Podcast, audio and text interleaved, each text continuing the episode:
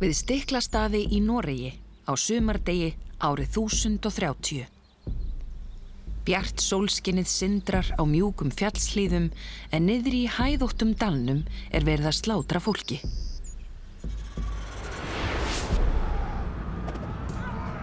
Tveir úlingar högfa sér leið inn í stríðandi mannþröngina. Þeir renna til í blóði og góri döðra manna. Þeir mæta mönnum með afmynduð andlit af hryllingi og döðans ángist og veit ekki lengur hvort aksir þeirra hafna í vinum eða óvinum. Vita bara að þeir verða að vera fyrir til að högfa. Þeir heita Haraldur og Þórólfur og þetta er þeirra fyrsta orusta. Haraldur öskraði til mín að við yrðum að finna konungin bróður hans og hjálp honum. Alveg síðan í Bernsku hefur Haraldur dáðst að halvbróður sínum, Ólafi konungi. Í dag ætlaði hann að hjálpa Ólafi að endurheimta konungsríki sitt, en það var ekki svona sem bardaginn byrtistónum í dagdrömmum.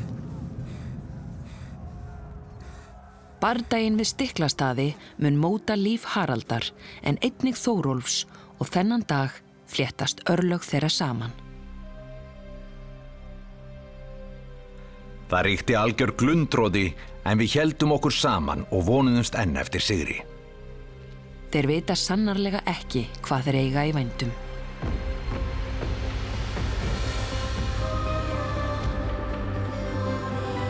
Þetta er saga um fólk sem livði í okkar heimi fyrir þúsund árum síðan.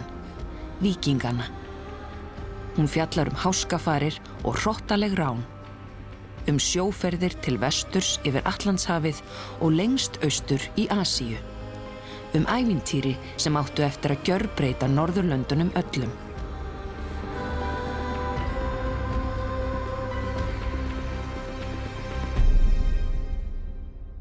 Ég heiti Þórólfur og ég var hyrðskált Haraldar Harðráða.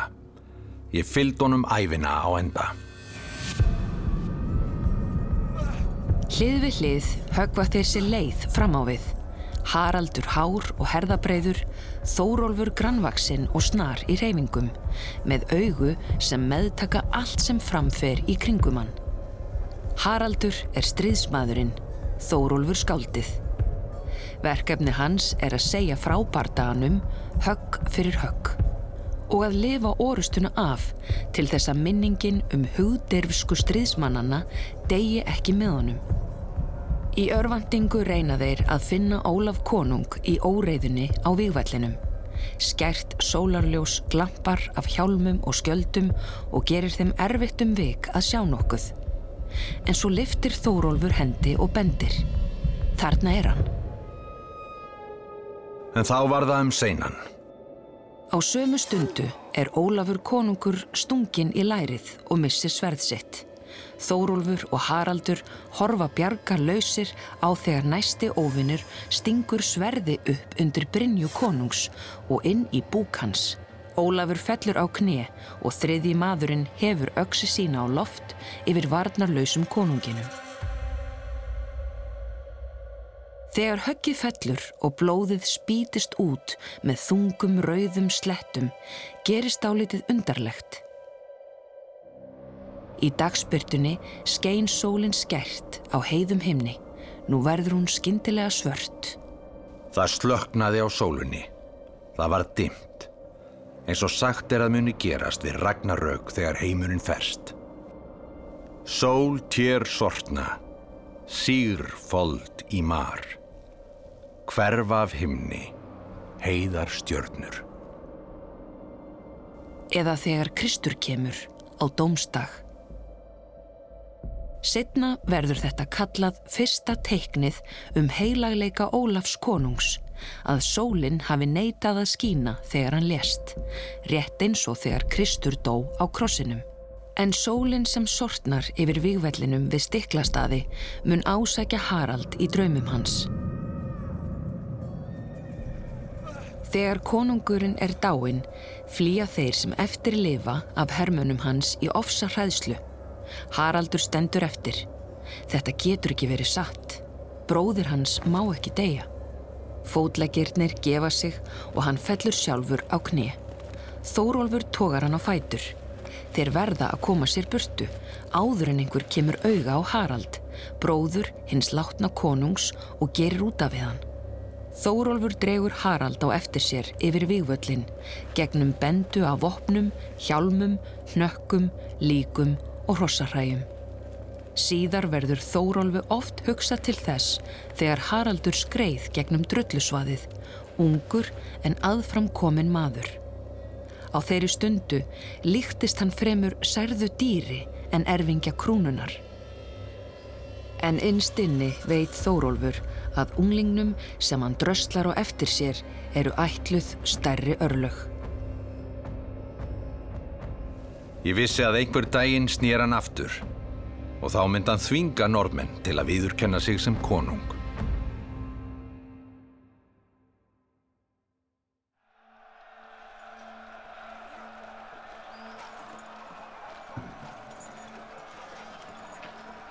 Ellefu árum síðar í Konstantinópel eða Miklagarði, borginni sem nú kallast Istanbul. Ólgandi söðurpottur sem laðar til sín fólk af öllum stjettum og hvaða næfa að úr heiminum. Árið er 1041 og keisarin fagnar nýjasta sigri sínum með mikil fengleiri skrúðgöngu.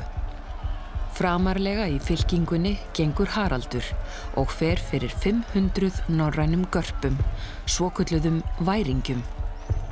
Kristna heimsveldið hefur nýlokið við að berja niður uppreist búlgara og fólk flikkist út á gödurnar til þess að hylla keisaran og hæða búlgursku fangana.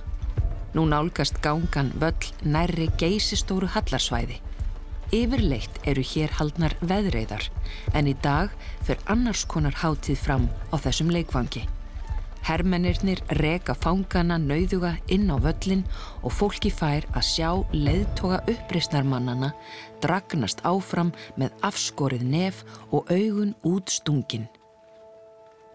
Haraldur og hinnir norrænu liðsmenn hans bera stríðsaksir og kringlóta skildi Um hálsin hefur hann keðju sem sínir að hann er liðsforingi í lífvarðasveit keisarans. Setna mun hann byggja Þórólf að yrkja ljóð þess efnis að Haraldur hafi stýrt allri lífvarðasveitinni. Og ég er vissum að hefðan einhver tíma fengið það starf, hefðan staðið sér vel. Þórólfur gengur við hlið Haraldar. Rúm tíu ár eru liðin síðan hann dró Harald út af výgvellinum við stiklastaði og bjargaði þannig lífi hans. Síðan hafa þeir ferðast saman sem málaliðar eftir helstu verslunaleiðum. Eins og svo margir aðrir dróðust þeir að Konstantinópel, menningar og efnahagslegum miðpunti hins kristna heims. Í sjö ár hefur Þórólfur fylst með Haraldi strita í þjónustu keisarans en hann hefur líka séð Harald skjóta undan gulli. Saman hafa þeir farið ránshendi um skip múslima, heimili búlgaskra aðalsmanna og varnarlust þorp á Sikilei.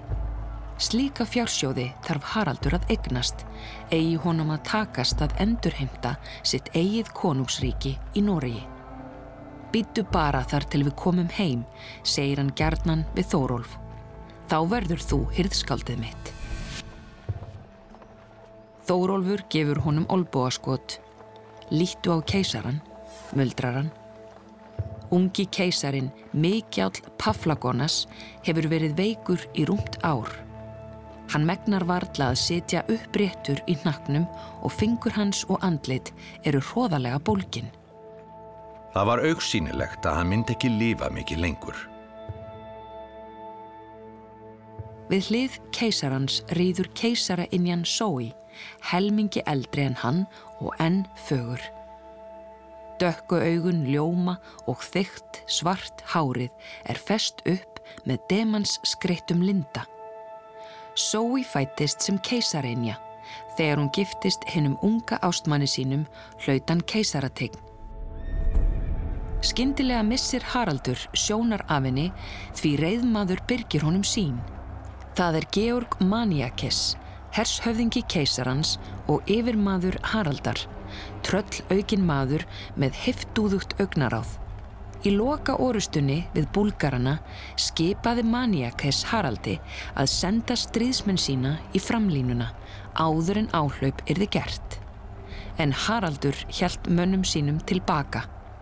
Maniakes neytist til þess að stilla sinni eigin hersveit upp í fremstu výlinu og misti 50 af sínum bestu mönnum að óþörfu. Maniakes öskraði að Haraldur hefði nýðurlegt hann fyrir framann allan herin. En Haraldur kipir sér ekkert upp við það. Frekar menn Maniakes en mínir eigin, hugsar hann. Út undan sér tekur hann eftir því að sói keisareinja fylgist með þeim. Haraldur yppur aukslum yfir reyðilestri Maniakes og snýr við honum baki.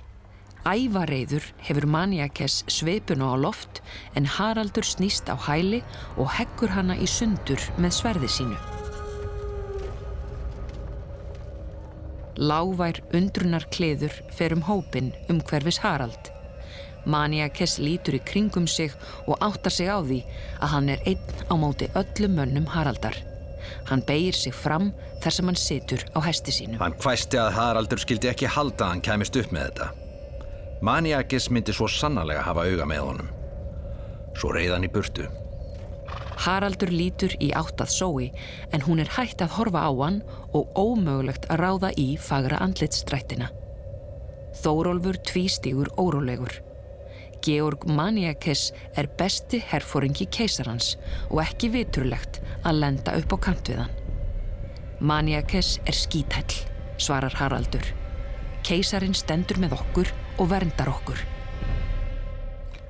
Já, það má vera, hugsaði ég. En keisarin er döðvona og engin veit hver tekur við af honum.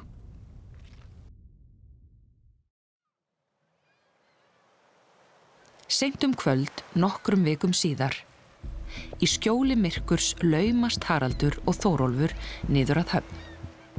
Undir skikkjunni felur Haraldur leðurpingju fulla af gulli sem hann fekk að launum fyrir framistöðu sína við að berja niður uppreist búlgarana.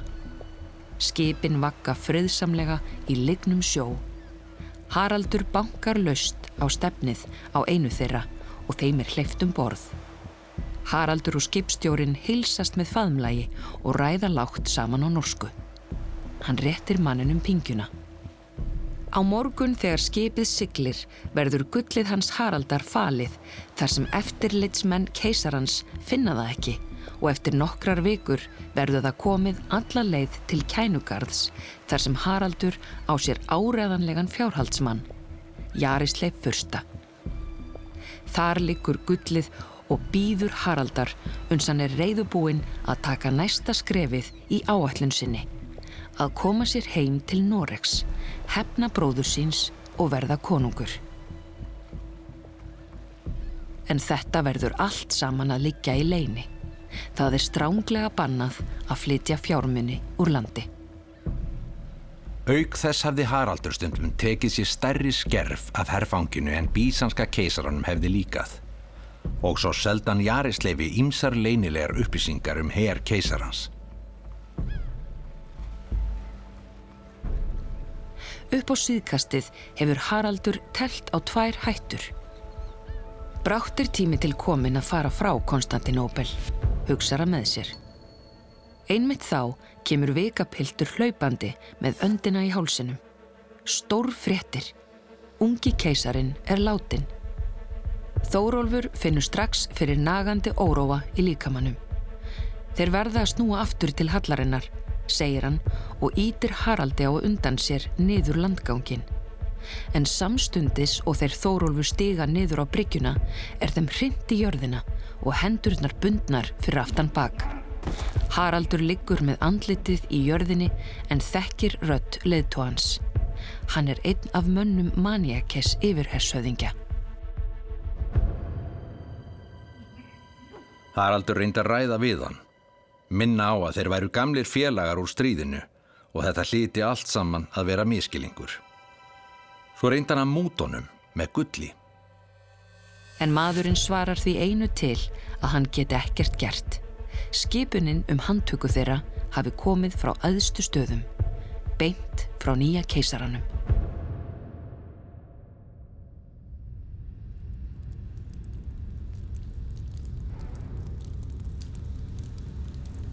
Haraldur lokar augunum og opnar þau aftur. Það breytir engu, en er niðamirkur. Og þvílikur fnikur, sætur, yfirþyrmandi fnikur af dauða sem læðist inn í nasirnar og fyllir vitundans. Þórólfur og Haraldur deila klefa með einu eða fleiri líkum Þeir eru lendir í hinnu alræmda svartóli hallarinnar þar sem margir hverfa fyrir fullt og allt. Mér grunaði auðvitað að einhver myndi sæta færis og ráðast að Haraldi þegar keisarin fjalli frá. En þetta gerðist allt svo hratt. Keisarin var varláriðin kaldur þegar valdatablið hófst. Nýji keisarin sem nefnist Kalafates er fóstursónur keisara ekkuna Sói en um leið og hann komst til valda let hann klippa hárið af Sói og loka hana inni í klustri. Og nýji keisarin Kalafates var besti vinnur Maniakis hersöðingja og þess vegna reyndist Maniakis auðvelt að láta nepp okkur í prísund.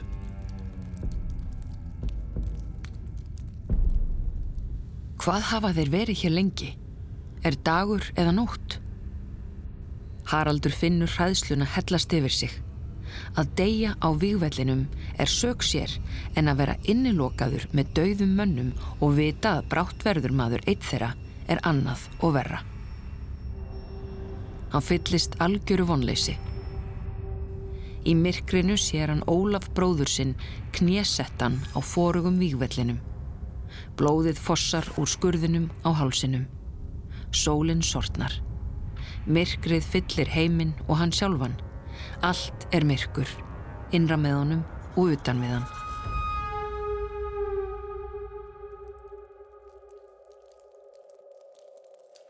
Þórólfur mjakar sér nær og tekur fumlust um axlir hans. Hef ég sagt þér frá því þegar Þór fór í veiðuferð og tókst að krækja í sjálfan miðgarsormin, spyr hann og kemur með eina af sínum óteljandi sögum af goðunum. Haraldur hallar höfðinu að auksl vinar síns og sopnar loks órólegum svefni. Hann vaknar við eitthvað hljóð, að utan berst örskur og vopnaglamur. Eitthvað gekk á þarna fyrir utan. Við vissum bara ekki hvað. Á meðan þeir Haraldur og Þórólfur sitja í fangaklefa Dinur yfir blóðugasta nótt í sögu Konstantinópel. Það er 20. april 1041 og fyrir utan hallarmúrana hefur æstur múur sapnast saman. Fólkið er æfa reitt yfir því að nýji keisaren skildi voga sér að smána sói og hennar keisaralega blóð. Í æðum nýja keisarans Kalafates rennur nefnilega ekkert konunglegt blóð og þegnarnir leggjaða honum til lasts að fadir hans hafi verið óskupvenjulegur yðnaðarmadur. Rúmlega þrjú þúsund manns týna lífi áður en mannfjöldanum tekst að riðjast inn í höllina morgunin eftir. Keisara ekkjan Sói er sótt í klaustrið og borin á aukslum fólksins að höllinni þar sem hún er sett í hásæti keisarans. En þetta vita þeir Haraldur og Þórólfur ekkert um. Neður í fangaklefan í höllinni berst ekkert nema fjarlægur skarkali.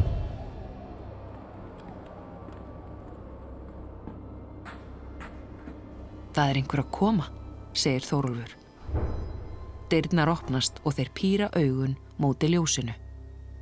Haraldur, ég er komin að sækja þig, að skipan keisarinnjunar. Haraldur flýtir sér að standa á fætur. Keisarinnjunar? Hvað hefur eiginlega gerst? Vörðurinn losar járnin af fótum hans og hann nær andanum aftur. Adrenalínið flæðir um líkamann. Kanski er verið að sækja hann til þess eins að drepa hann en allt væri skára en að vera lokaður hér inni í þessu úldna myrkri. Haraldur nefnur staðar. Vinur minn er hérna, segir hann. Góður stríðsmaður og trúr keisara innjunni. Við vorum fangelsaðir saman. Taktan með þér, segir vörðurinn áhugaðlaus. Ég vissi að eftirlut væri verið að sækja Harald til að drepa hann. en ég vildi frekar deyja með honum en einn í svartólinu. Á leið inn í hásætisalinn reynir Haraldur að letast um. Það er engu líkara en að kvirvilbilur hafi farið um höllina. Þungum steinstittum hefur verið veltum koll og vasar likja möllbrotnir á víð og dreif. Á mósa í gólfinu eru spór eftir mörg hundru fætur og dökkir blóðpollar. Hvað hefur gerst? Og hvaða keisari innja er það sem þeir eiga að hitta? Sói eða einhver önnur? Svo er þeim íttinn í salin. Þetta var þá Sói keisarinja. Hún hafði greinilega sloppið úr klaustrunni með einhverjum hætti. En hárið hafði verið rakað af henni. Araltess, segir keisara innjan kuldalega.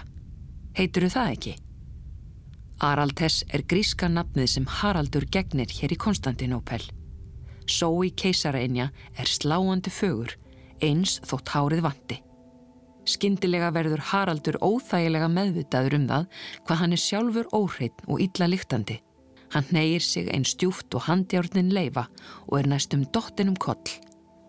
Keisarainjan verður hann fyrir sér frá toppi til táar og leiftur snögt byrtist honum sársukafull minning um sjálfan sig í herrklæðum, vel greittan með skegg þegar þú sáust í sigurgöngunni og hann reyndi að ganga í augun á henni.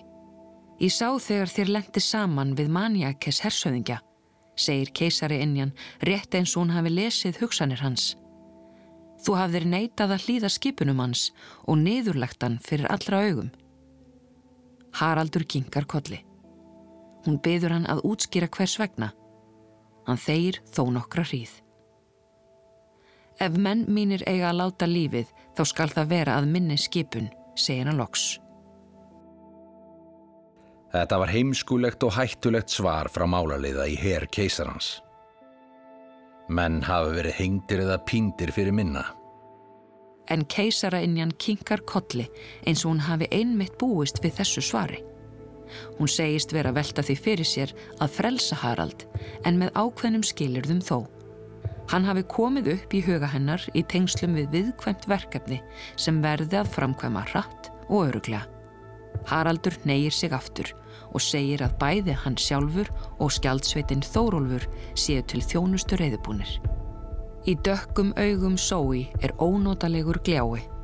Hún veifar til varðanna að koma sér úr hirnarmáli. Svo hallar hún sér fram á við og segir Þú átt að fara í stúdiósklustrið. Það er skipun mín.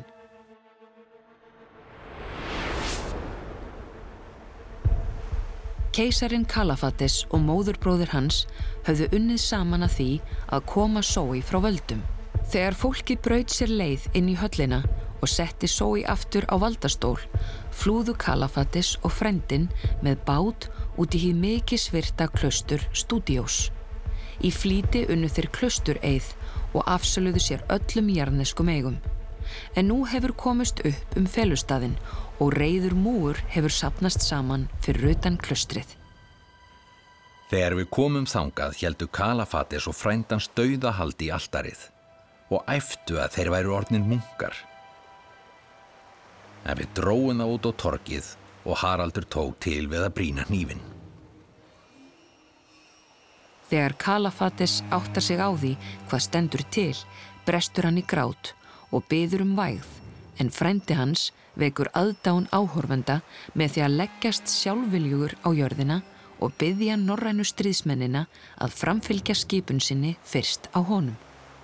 Haraldur tekur fram hnífin og stingur bæði augun úr frendanum. Kalafatis er aftur á móti frávita af hræðslu. Við þurftum að halda honum fjórir á meðan Haraldur stakk úr honum augun.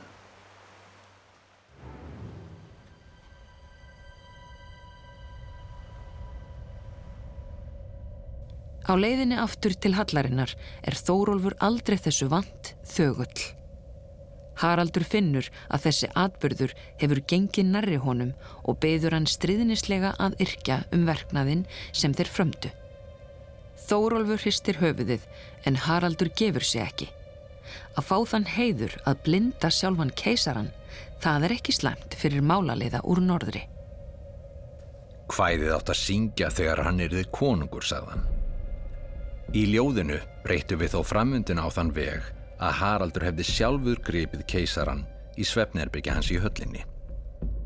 Þennan dag vinnur Haraldur sér inn enn einn gullpokan. Nú hefur hann eignast nóg til þess að taka næsta skref í átt að markmiði sínu. Hann ætla sér ekki að þjóna heimsveldi annara heldur skapa sitt eigið. Og brátt munu þeim berast fréttir sem hvetjan til að hraða sér frá Konstantinóbel. Nokkrum mánuðum síðar stendur Haraldur frammi fyrir keisara innjunni Sói í glæsilegu mótökusal hennar. Hann er þangað kominn í brínum erindagjörðum og hún horfir rannsakandi á hann. Haraldur tekur að svitna. Eins og vanalega hefur hann það óþægilega á tilfinningunni að hún sjáu þráð beint í gegnum hann. Fögur augu hennar eru aftur á móti jafn óræð og slípaðir svartir steinar. Þú vilt sem sagt fara frá Konstantinópel, segir Sói. En hvers vegna einmitt núna? Og hvers vegna með þessum asa?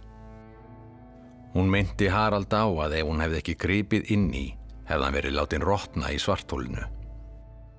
Í staðin frelsaði Sói hann, veittu honum þá upphefð að fá að blinda keisaran sveikula og hækkaði launin hans. Hvað skortir hann? Haraldur getur ekki ljóstra því upp hvers vegna honum liggur allt í einu svo á að fara frá Konstantinóbel. Sannleikurinn er sá að honum barst leinilegt bref frá sínum volduga bandamanni, Jarisleifi fyrsta í kænugarði. Jarisleifur gætir gullsins sem Haraldur sendur honum reglulega frá Konstantinóbel. Og nú vil fyrstinn að Haraldur komi til kænugarðs eins fljótt og auðið er. Jarisleifur þarf að ráðfæra sig við Harald áður en hann hefst handa við eitthvert alveg sérstakt verkefni. Keisarinjan, hún hafði ekki augun af Haraldi. Hversan varð Haraldur að fara í mitt núna, spurði hún aftur. Það hlýta vera eitthvað ástæða. Haraldur hristir höfuðið. Nei, það er engin sérstök ástæða fyrir því að hann veill fara á brott. Bara skindileg heimþrá. Sói kinkar kolli. Heimþrána verður hann að leggja til hliðar um stund, segir hún. Hún hefur frétt frá tröstum heimildamönnum að Jarisleifur fyrsti í kænugarði sé að leggja á ráðin um árás á Konstantinópel. Afar heimskulegt af fyrstanum og auðvitað dæmtel þess að mistakast en Sói mun þurfa á Haraldi og mönnum hans að halda eitthvað lengur. Svo að alls öryggi sé gætt meg að þeir ekki yfirgefa borgina. Haraldur neyir sig. Honum líst illa á bleikið í augum keisareinnunar. Hve mikið veit hún? Við Haraldur lítum hvora á annan. Ég held að á þessari stundu höfum við báðir áttað okkur á því að í Konstantinóbel væri okkur ekki lengur vært.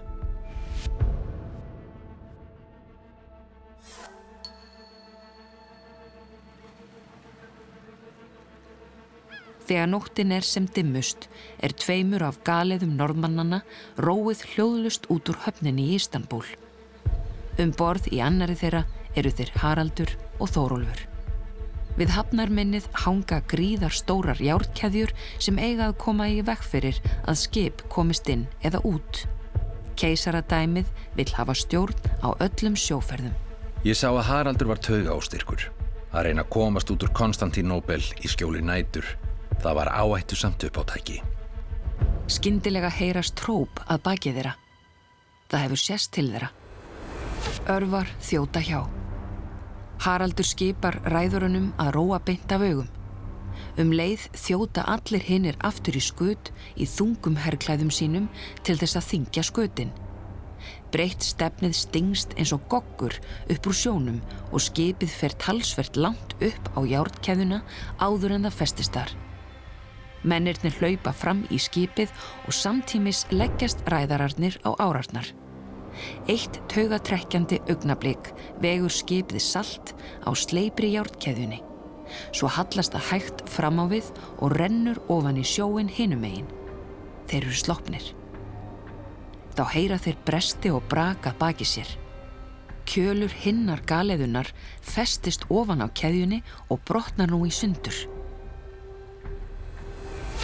Örfadrífa berst frá skipi keisarainjunar fyrir innan keðjuna á meðan þeir róa tilbaka og reyna að bjarga örfandingar fullum mönnum úr sjónum í myrkrinu. Nokkrum tekst að komast upp í skipið en flestir sökva í djúpið. Engu að síður, við vorum sloppnir. Stefnan var tekin til Jarisleifs fyrsta í kænugarði.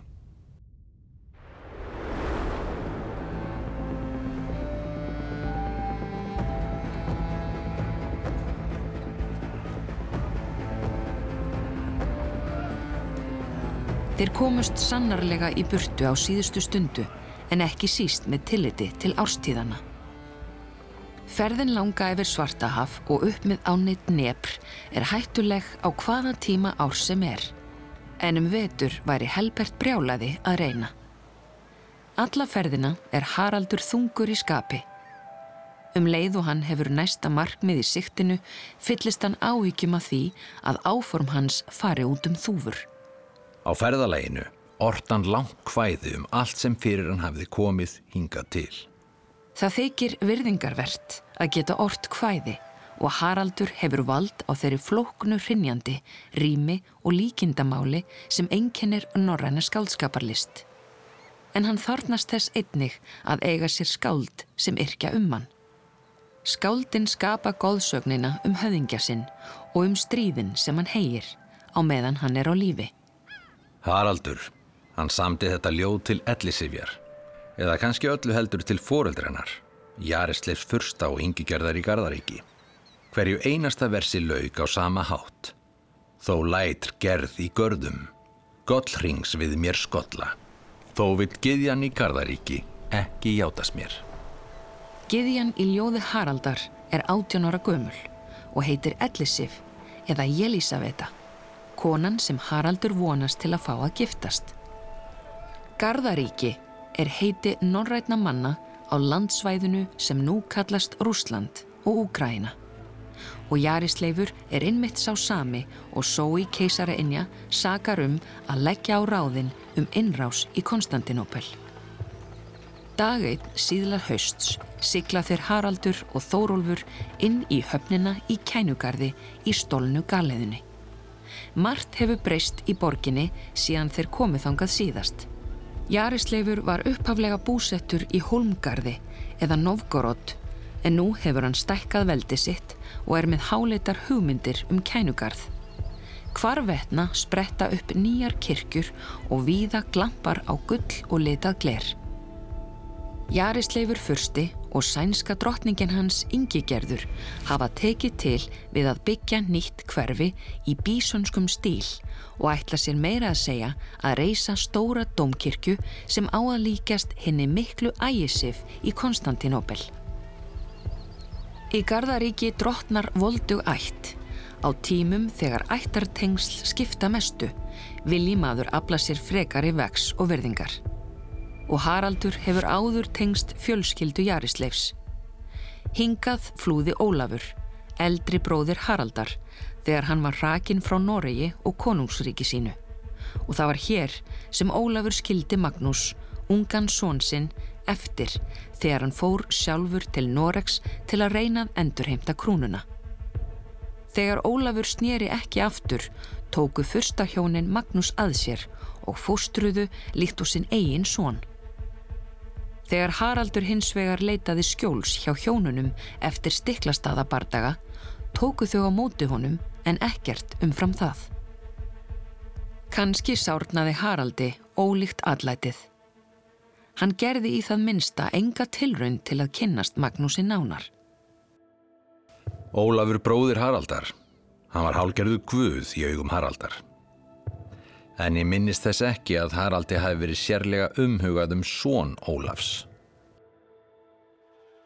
Haraldur horfir yfir kænugarð. Borgin er gjör ólík Konstantinopel. En að bera sig saman við Konstantinopel er einmitt það sem Jarisleifur fyrsti í kænugarði vil gera. Þess vegna hefur hann kallað Harald á fundsinn. Hann vil nýta sér þekkingu hans. Jarisleifur og Ingigerður tóku á móti Haraldi líkt og hann var í nánast jafningið þeirra. Nú var allt annað upp á teningnum en þegar við vorum síðast í kænugarði, eftir flottan frá Nóriði. Þórólfur mann þegar þeir komu að hyrð stórfurstans Jarisleifs í kænugarði 11 árum áður.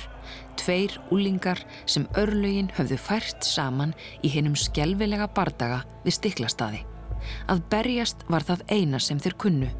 Því fóru þeir að dæmi margra ungra manna frá Skandinavíu. Gengu í her Jarisleifs. Ráðamenn í Gardaríki höfðu lengi reykt sig á norræna málaliða. En þrátt fyrir fjölskylduböndin helt Jarisleifur Haraldi í ákveðinni fjarlægð. Magnús, sonur Ólafs, var þeim hjónum kær sem sonur, en það var greinilegt að Haraldur yrði að vinna sér inn tröst þeirra. Á þeim tíma voru við auðvitað bara óbreyttir málaliðar. Þegar Haraldur baðum hönd dóttur Jarisleifs, hló fyrstinn upp í opið geðið á honum. Dætur mínar giftast fyrstum og konungum, saði Jarisleifur. Komdu aftur þegar þú ert orðin ríkur og hefur eignast land. En á Haraldur ekkert land, en hann er með ímislegt á prjónunum og hann vonast til þess að hjónaband þeirra ellisifjar geti hjálpað honum að hrinda því framkvæmt. Í þetta skipti vildi Jarisleifur heyra allt sem Haraldur hafði að segja. Einmitt eins og sói keisara innju grunaði hegst Jarisleifur ráðast sjóleiðina inn í Konstantinópel.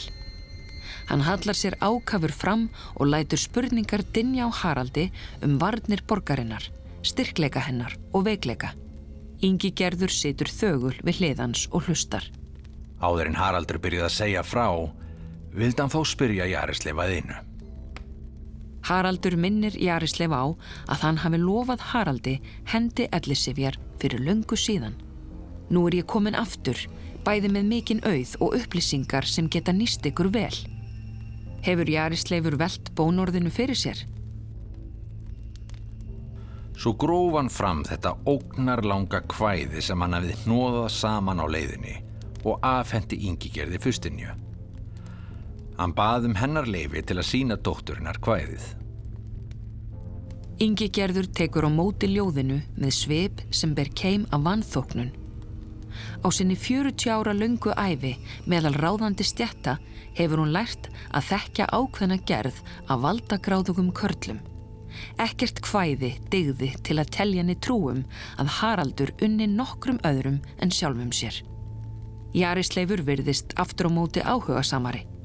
Haraldur hefur reynst slingur samningamadur og af því getur Jarisleifur ekki annað en hrifist. Hann hugsa með sér að Haraldur muni láta til sín taka og hvers vegna ekki að samþykja bónorðið. Hann gæti orðið neitsamur tengdasonur og undir konungur einhver staðar í hinnu sístækkandi veldi Jarisleifs. Hann veit ekki að Haraldur hefur allt aðrar hugmyndir. Um veturinn ganga Haraldur og Ellisif dóttir Jarisleifs í hjónaband. Hún er verðlaunin fyrir hernaðar lendarmálinn sem Jarisleifur þráir svo heitt en jáfnvel þótt Haraldur deili verðmættum upplýsingum heldur hann því mikilvægasta útaf fyrir sig. Það er engin möguleiki á að floti Jarisleifs hafi í fullu tré við herabla Konstantinópel, þessa stórveldis sinna tíma. Síðar reynist Haraldur hafa rétt fyrir sér, en þá verður hann sjálfur komin skrefinu nær markmiði sínu, að eignast sitt eigið konungsríki.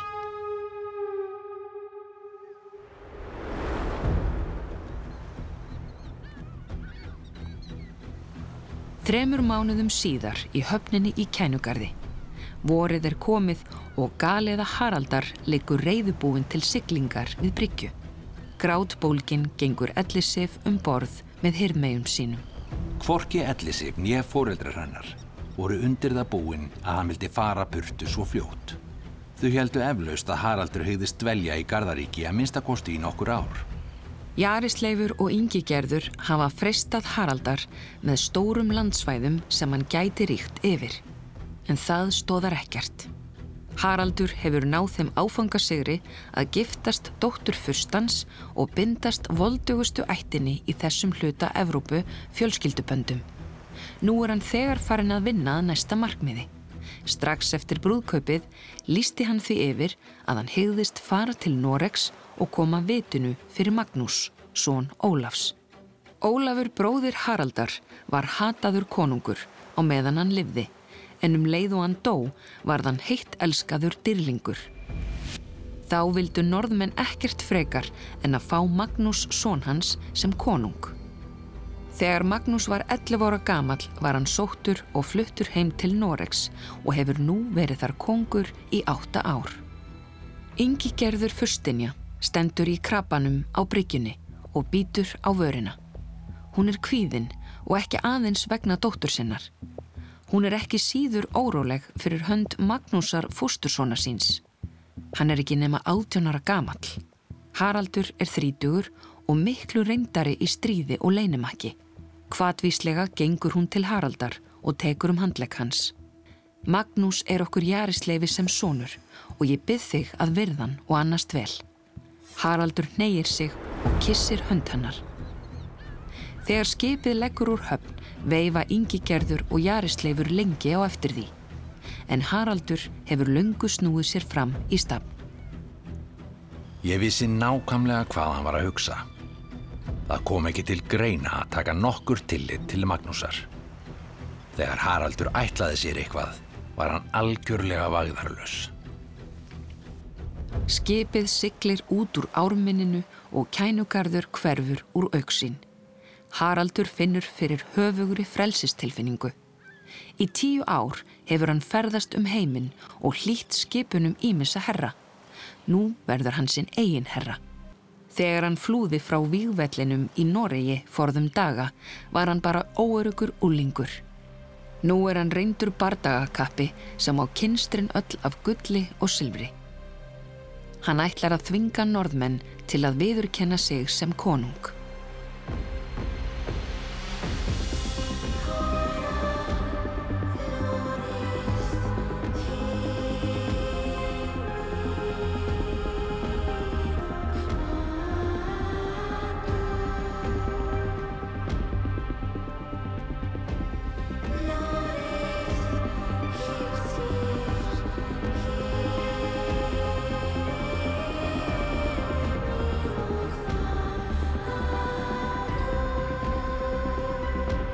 Næsta þætti. Minningin hefur oft sótt á Harald, laustengt brot sem skella á honum þegar minnst varir. En í minningunni hefur hann aldrei náð að sjá andlit mannsins. Ekki fyrir nú. Ég sá hann, segir Haraldur. Ég veit hver draf bróður minn. Hann heitir Kálfur Arnarsson. Þú varst að hlusta á Vikinga og fyrir hluta sögunar af Haraldi Harðráða. Lesari Tinnar Rapsdóttir. Í hlutverki Þóróls var Svein Geisson. Leikstjóri Tinnar Rapsdóttir. Tæknimaður Gísli Kjaran Kristjánsson. Tónskáld Matti Bíje. Þýðandi Salka Guðmundsdóttir. Þessi þáttaröð er íslensk útgáfa af Vikingum, útvarpsverki frá Sænska ríkisútvarpinu.